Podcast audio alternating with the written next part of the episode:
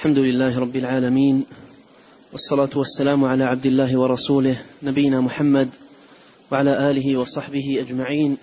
أما بعد فيقول شيخ الإسلام أحمد بن تيمية رحمه الله تعالى في الفتوى الحموية الكبرى وكذلك قول النبي صلى الله عليه وسلم إذا قام أحدكم إلى الصلاة فإن الله قبل وجهه فلا يبصق قبل وجهه. الحديث حق على ظاهره وهو أنه سبحانه فوق العرش وهو قبل وجه المصلي بل هذا الوصف يثبت للمخلوقات فإن الإنسان لو أنه يناجي السماء ويناجي الشمس والقمر لكانت السماء والشمس والقمر فوقه وكانت أيضا قبل وجهه. وقد ضرب النبي صلى الله عليه وسلم المثل بذلك ولله المثل الأعلى. ولكن المقصود بالتمثيل بيان جواز هذا وإمكانه لا تشبيه الخالق بالمخلوق. فقال النبي صلى الله عليه وسلم ما منكم من أحد إلا سيرى ربه مخليا به. فقال له أبو رزين العقيلي كيف يا رسول الله؟ وهو واحد ونحن جميع. فقال النبي صلى الله عليه وسلم سأنبئك مثل ذلك في آلاء الله. هذا القمر كلكم يراه مخليا به وهو آية من آيات الله فالله أكبر أو كما قال النبي صلى الله عليه وسلم. وقال إنكم سترون ربكم كما ترون الشمس والقمر فشبه الرؤية بالرؤية وإن لم يكن المرئي مشابها للمرئي. فالمؤمنون رأوا ربهم يوم القيامة وناجوه كل يراه فوقه قبل وجهه كما يرى الشمس والقمر. فالمؤمنون إذا فالمؤمنون إذا رأوا ربهم.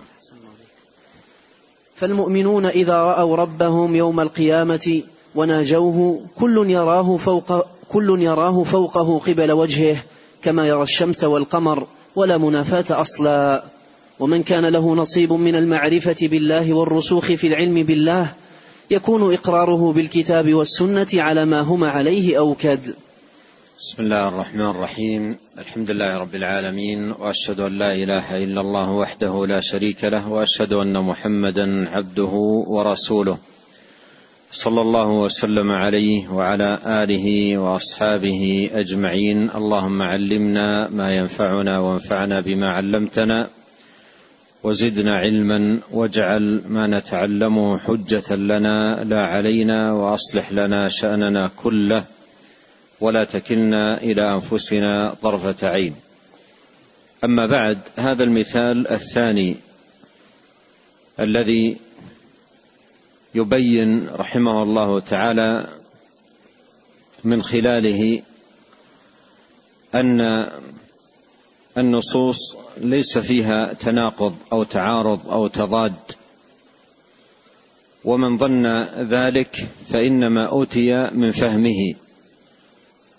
وإلا فإن كلام الله عز وجل لا تعارض فيه ولا تناقض. وكذلك كلام النبي صلى الله عليه وسلم الثابت عنه. قد قال الله تعالى ولو كان من عند غير الله لوجدوا فيه اختلافا كثيرا وقد ذكر فيما سبق أدلة كثيرة في إثبات علو الله جل وعلا على خلقه وذكر تنوع الدلائل على علوه سبحانه وتعالى على خلقه وأنه مستو على عرشه استواء يليق بجلاله. ثم ذكر مثالين يظن بعض الناس انهما يعارضان ما دل عليه الكتاب والسنة من علو الله. الأول المعية وهو معكم أينما كنتم إلا هو معهم أينما كانوا وسبق رحمه الله سبق جوابه رحمه الله تعالى على ما يتعلق بهذا المثال. وأما المثال الثاني فهو قول النبي صلى الله عليه وسلم إذا قام أحدكم إلى الصلاة فإن الله قبل وجهه فلا يبصق قبل وجهه. من لا يحسن الفهم لهذا الحديث ربما ظن أن ظاهره أن الله سبحانه وتعالى قبل وجهه أي بينه وبين الحائط أو مستقر في الحائط الذي أمامه. ربما ظن ذلك. فإذا وجد عنده هذا الظن رأى أن ذلك معارضا للأدلة التي تثبت علو الله سبحانه وتعالى. فيكون أوتي من فهمه. أوتي من سوء فهمه لكلام الرسول عليه الصلاة والسلام. وأما قول النبي عليه الصلاة والسلام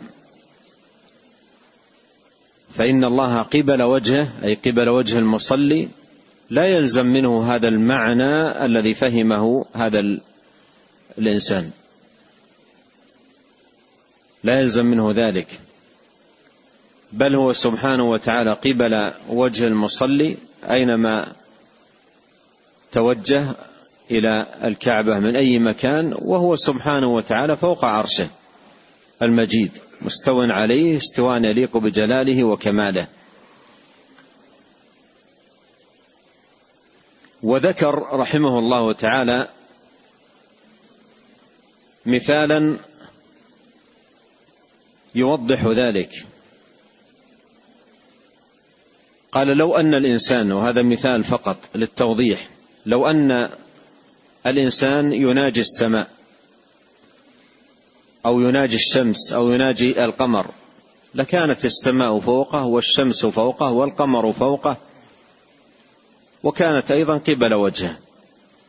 وكانت أيضا قبل وجهه. والمسافر يقول سرت والقمر قبل وجهي. وهو فوق. فلا تنافي بين الأمرين. فقوله عليه الصلاة والسلام فإن الله قبل وجهه لا ينافي علو الله بل علو الله سبحانه وتعالى حق على حقيقته وقوله قبل وجهه أيضا معناه ظاهر. قال وقد ضرب النبي صلى الله عليه وسلم المثل بذلك ولله المثل الأعلى. ولكن المقصود بالتمثيل بيان جواز هذا وإمكانه لا تشبيه الخالق بالمخلوق. فقال النبي عليه الصلاة والسلام ما منكم من أحد إلا سيرى ربه مخليا به. فقال له أبو رزين العقيلي كيف يا رسول الله؟ وهو واحد ونحن جميع. فقال النبي صلى الله عليه وسلم سأنبئك مثل ذلك في آلاء الله. هذا القمر كلكم يراه مخليا به وهو آية من آيات الله. فالله أكبر أي من ذلك. وقوله هنا فالله أكبر أي أعظم وأجل من ذلك سبحانه وتعالى. وإنما هذا مثال أريد به توضيح هذا الأمر وجوازه. توضيح هذا الأمر وجواز هذا الأمر. قال رحمه الله تعالى وقال النبي صلى الله عليه وسلم إنكم سترون ربكم كما ترون الشمس والقمر. إنكم سترون ربكم كما ترون الشمس والقمر. وهذه الرؤية لله لا تتنافى مع العلو. هذا الغرض من سوقه رحمه الله تعالى لهذا الحديث.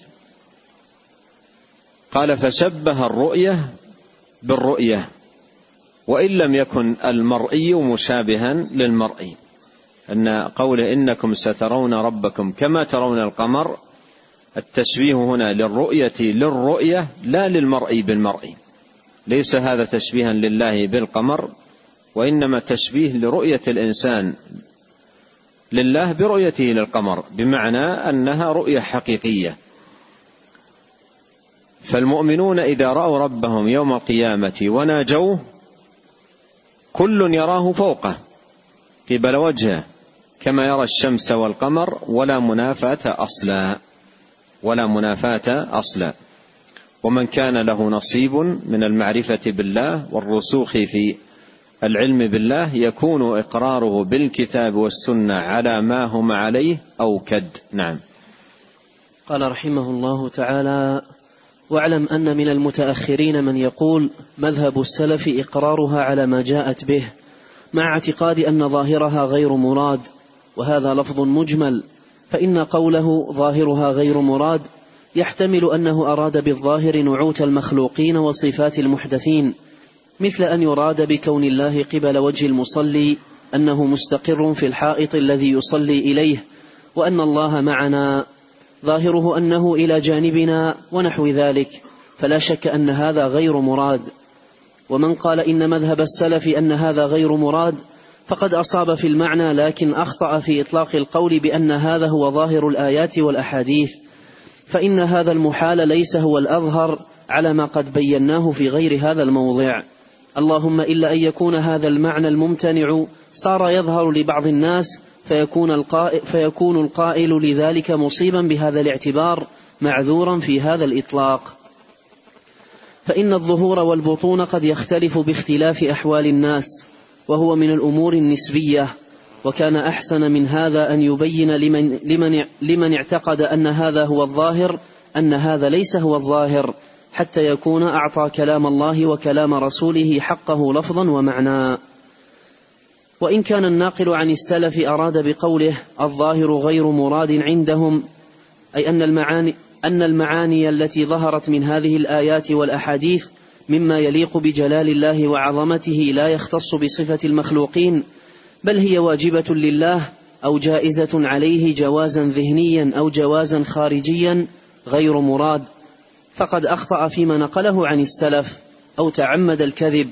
فما يمكن أحد قط أن ينقل عن واحد من السلف ما يدل لا نصا ولا ظاهرا أنهم كانوا يعتقدون أن الله ليس فوق العرش ولا أن الله ليس له سمع وبصر ويد حقيقة. هنا ينبه رحمه الله تعالى على أمر وجد عند المتأخرين وهو مبني عندهم على ما سبق من على ما سبق من خطأ في الفهم لمراد الله سبحانه وتعالى. فإن بعضهم يظهر له من معنى النص أمرا لا يليق بالله سبحانه وتعالى ويكون أوتي من فهمه. أوتي من فهمه. ثم يريد أن ينزه الله سبحانه وتعالى عن هذا المعنى الذي ظهر له وظن أنه هو المراد من النص فيقول هذه الكلمة إن ظاهر النص غير مراد. إن ظاهر النص غير مراد. ماذا يقصد بقوله إن ظاهر النص غير مراد؟ أي هذا المعنى الذي هو فهمه من النص. لا المعنى الذي يدل عليه النص أصلا لأن النص القرآني أو النبوي لا يدل على باطل لا يدل على تشبيه. فمن فهم منه التشبيه فهذا إنما أتي من سوء فهمه. أتي من سوء فهمه. ثم يبني على ذلك قوله إن ظاهر النص غير مراد يقصد المعنى الذي ظهر له هو. المعنى الذي ظهر له هو فيقول إن ظاهر النص غير مراد. يريد أن ينزه الله سبحانه وتعالى عن عن المعنى الذي ظهر له. فأصبحت هذه الكلمة ظاهر النص هل هو مراد أو غير مراد لفظة مجملة تحتاج إلى تفصيل بمعنى أن يعرف ماذا فهم هذا الإنسان من ظاهر النص. مثل ما قال رحمه الله تعالى وهذا لفظ مجمل. عندما يقال هل الظاهر مراد أو غير مراد؟ لو سأل سائل قال هل ظاهر النص مراد أو ليس مرادا؟ هذا لفظ مجمل. من أين أتى الإجمال إلى هذا اللفظ؟ من وجود فهوم خاطئة تظن في في بعض النصوص معاني لا تليق بالله سبحانه وتعالى. ويظنون أن هذا هو الذي يظهر من النص.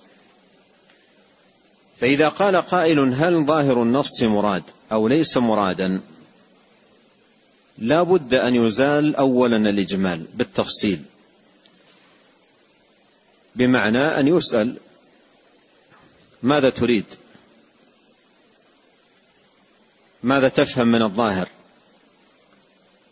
إذا كان يفهم من الظاهر معنى لا يليق بالله يقال له هذا المعنى الذي ذكرته ليس مرادا. هذا المعنى الذي ذكرته ليس مرادا.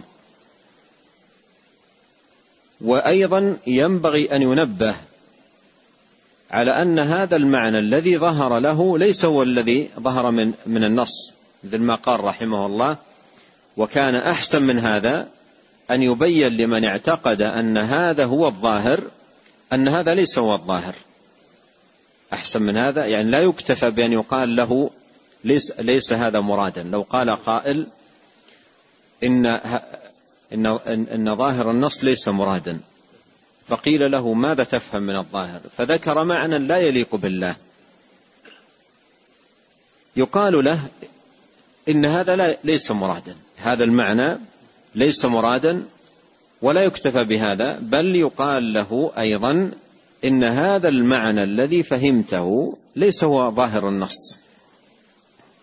لأن لا يمكن أن يكون ظواهر نصوص الكتاب والسنة تشبيها. فمن فهم منها معنى لا يليق بالله سبحانه وتعالى فإنما أوتي من فهمه.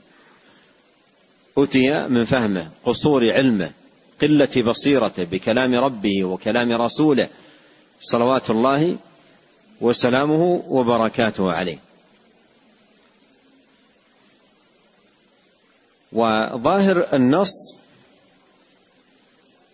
هو المعنى المتبادر من النص اللائق بجلال الله لأن ما أضيف إلى الله سبحانه وتعالى من النعوت والصفات فهو يخصه جل وعلا ويليق بجلاله وكماله وعظمته سبحانه وتعالى.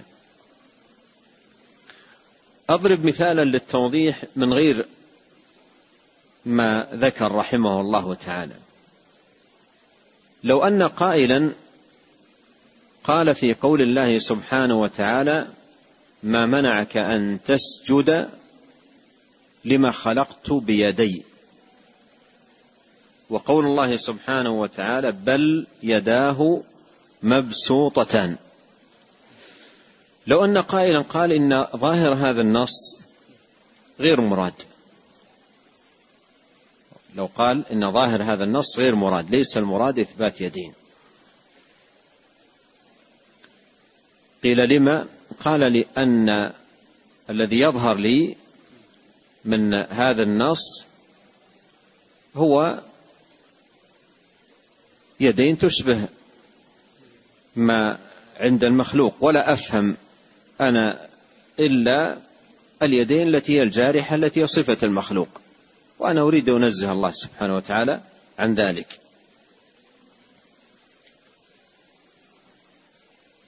فيقال له هذا الذي فهمته من النص هذا الذي فهمته من النص ليس مرادا. هذا الذي فهمته من النص ليس مرادا وليس هو أيضا ظاهر النص. لأن اليدين في الآيتين الكريمتين أضيفت إلى الله جل في علاه. وما أضيف إلى الله جل وعلا فإنه يخصه ويليق بجلاله وكماله فإن الصفة بحسب من أضيفت إليه. فما أضيف إلى الله جل وعلا فإنه يخصه جل وعلا ويليق بجلاله وكماله. فالصفة التي تضاف إليه ليست كالصفات.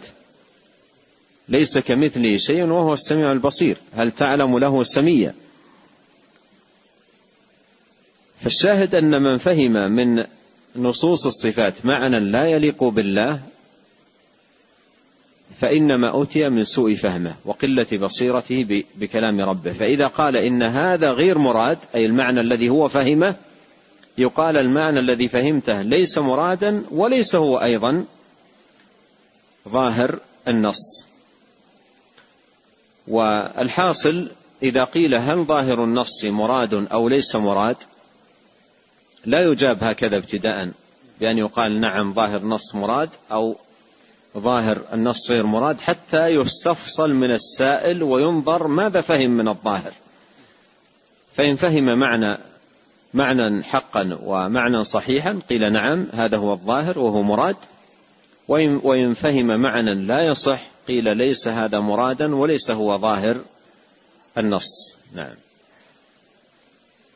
قال رحمه الله تعالى وقد رأيت هذا المعنى ينتحله بعض من يحكيه عن السلف ويقول إن طريقة أهل التأويل هي في الحقيقة طريقة السلف بمعنى أن الفريقين اتفقوا على أن هذه الآيات والأحاديث لم تدل على صفات الله سبحانه ولكن السلف أمسكوا عن تأويلها والمتأخرون رأوا المصلحة تأويلها لمسيس الحاجة إلى ذلك.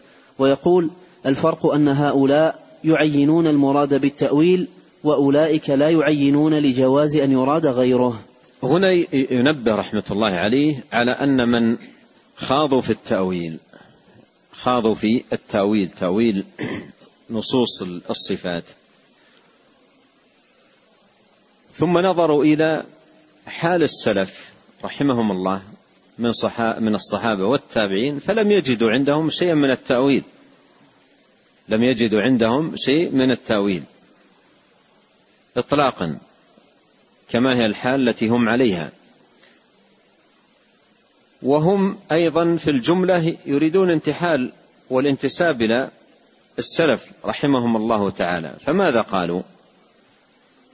يقولون إن طريقة أهل التأويل هي في الحقيقة طريقة السلف. إن طريقة أهل التأويل هي في الحقيقة طريقة السلف مع أنهم يقرون أن السلف لم ينقل عنهم شيء من التأويل إطلاقا. فيقولون إن طريقة التأويل هي طريقة السلف. كيف؟ قالوا بمعنى أن الفريقين اتفقوا على أن هذه الآيات والأحاديث لم تدل صفات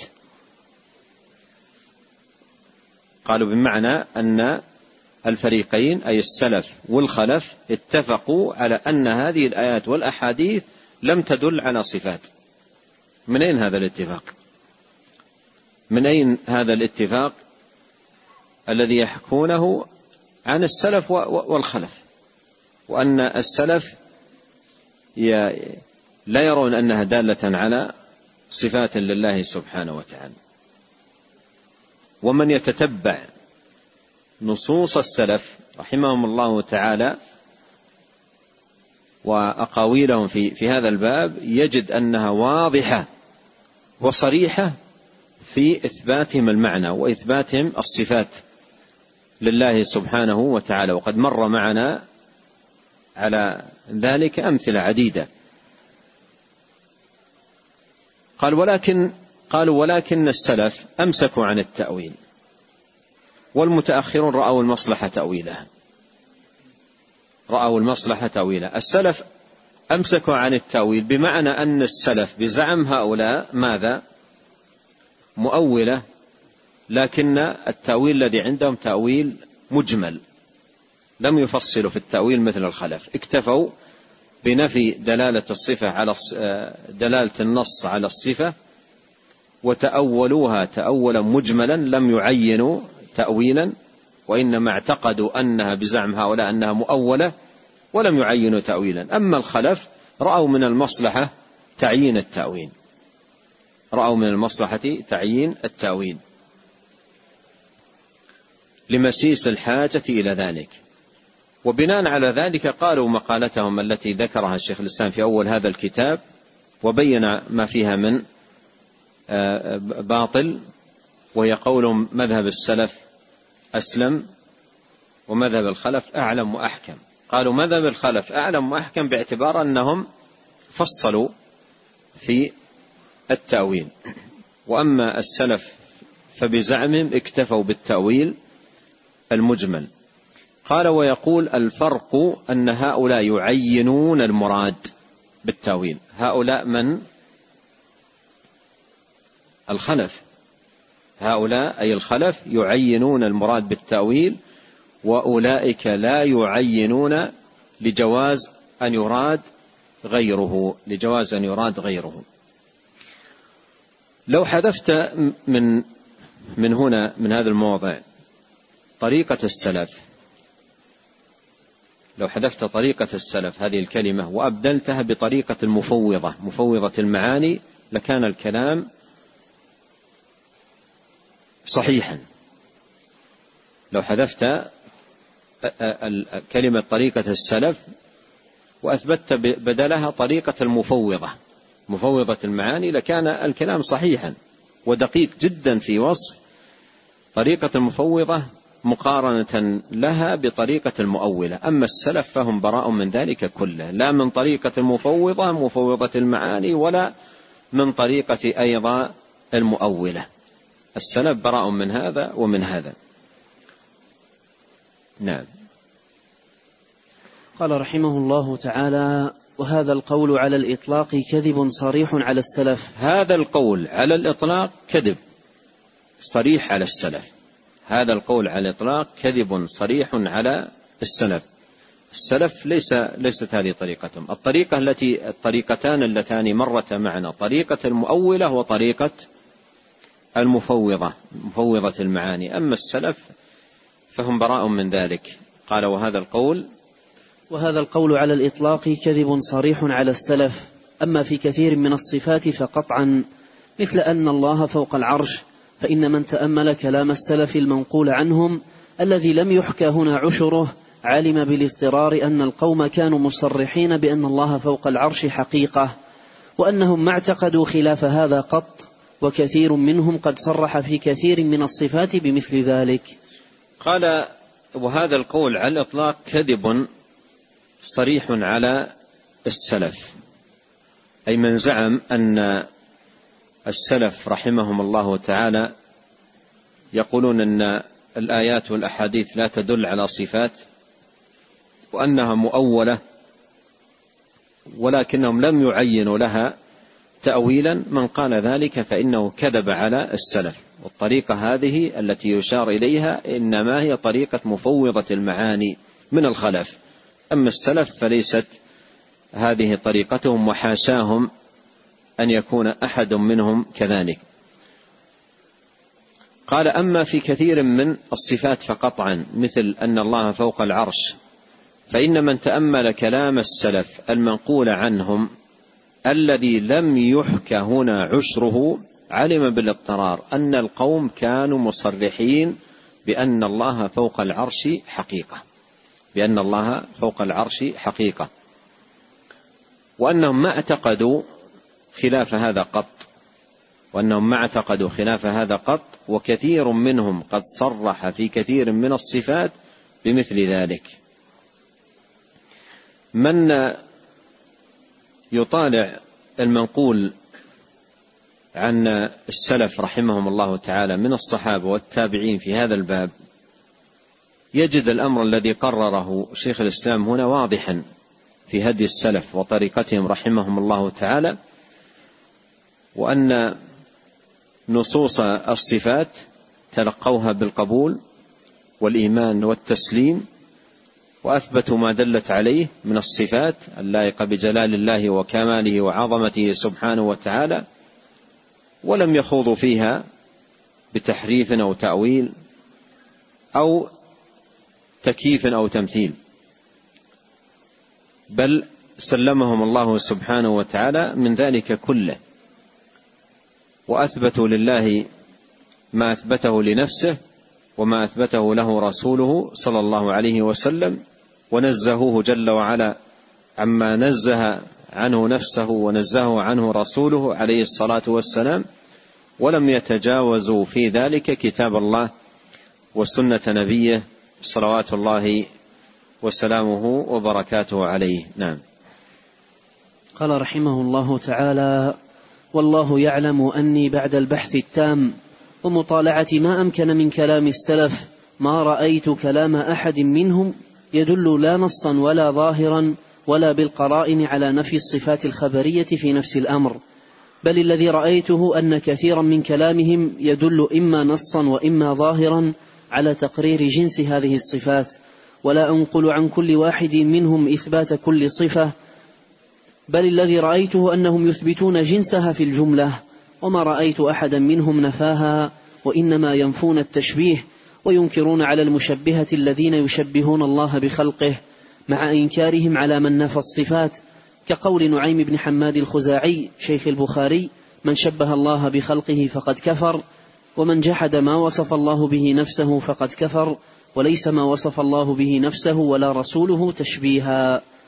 وكانوا نعم نعم. يؤجل هذا إلى اللقاء القادم. ونسأل الله الكريم رب العرش العظيم بأسمائه الحسنى وصفاته العليا أن ينفعنا بما علمنا وأن يزيدنا علما وأن يصلح لنا شأننا كله وأن يجعلنا هداة مهتدين غير ضالين ولا مضلين وأن يزيننا بزينة الإيمان وأن يصلح لنا ديننا الذي هو عصمة أمرنا وأن يصلح لنا دنيانا التي فيها معاشنا وأن يصلح لنا آخرتنا التي فيها معادنا وأن يجعل الحياة زيادة لنا في كل خير والموت راحة لنا من كل شر. اللهم اغفر لنا ولوالدينا ولمشايخنا وللمسلمين والمسلمات والمؤمنين والمؤمنات الأحياء منهم والأموات. اللهم آت نفوسنا تقواها زكها أنت خير من زكاها أنت وليها ومولاها. اللهم اقسم لنا من خشيتك ما يحول بيننا وبين معاصيك ومن طاعتك ما تبلغنا به جنتك ومن اليقين ما تهون به علينا مصائب الدنيا. اللهم متعنا بأسماعنا وأبصارنا وقوتنا ما أحييتنا واجعله الوارث منا واجعل ثأرنا على من ظلمنا وانصرنا على من عادانا.